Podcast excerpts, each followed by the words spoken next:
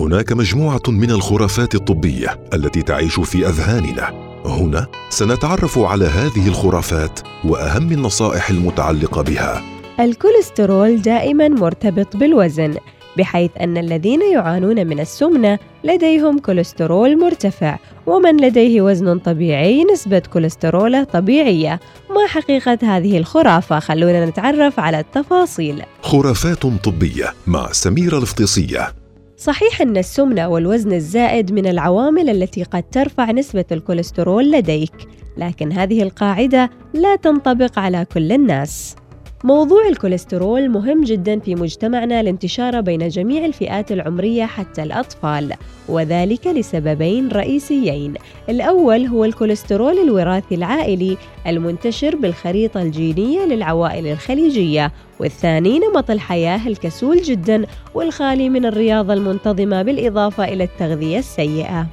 الكوليسترول اسم مشتق من اللغة اليونانية كولي تعني عصارة المرارة. وستيريوس الجسم الصلب ونعني بالكوليسترول المادة الدهنية الموجودة بدمك ويحتاجها جسمك في بناء الخلايا والقيام بالوظائف الحيوية وهو بمثابة الطاقة والوقود للجسم، لكن المشكلة عندما ترتفع هذه الدهنيات فوق معدلاتها الطبيعية فتبدأ بالتراكم والترسب على جدران الأوعية الدموية مما يؤدي إلى ضيقها وتصلبها فتعيق حركة الدم، وقد ينتهي الأمر بانسداد كامل للوعاء الدموي وحدوث الجلطات القلبية والدماغية. السؤال يقول: كيف نصاب بارتفاع الكوليسترول؟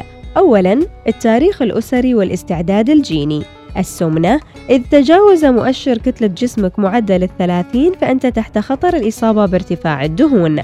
التغذية غير الصحية من لحوم حمراء ودهون مشبعة ومتحولة وألبان كاملة الدسم. التدخين. زيادة على تصلب الشرايين فإن التدخين يقوم بخفض مستوى الدهون النافعة ورفع مستوى الدهون الضارة. الكسل وعدم القيام بالرياضة وأمراض السكر وارتفاع ضغط الدم وخمول الغدة الدرقية الأدوية ومنها الكورتيزون وعلاج حب الشباب وهرمونات ومنشطات كمال الأجسام إذا الحقيقة العلمية الكوليسترول غير مرتبط بالوزن دائما، وزن الجسم وسيلة غير دقيقة لتحديد ارتفاع وانخفاض الكوليسترول لديك، كما أن الكوليسترول عديم الأعراض في أغلب الحالات. خرافات طبية مع سميرة الفطيسية يوميا في الأوقات التالية.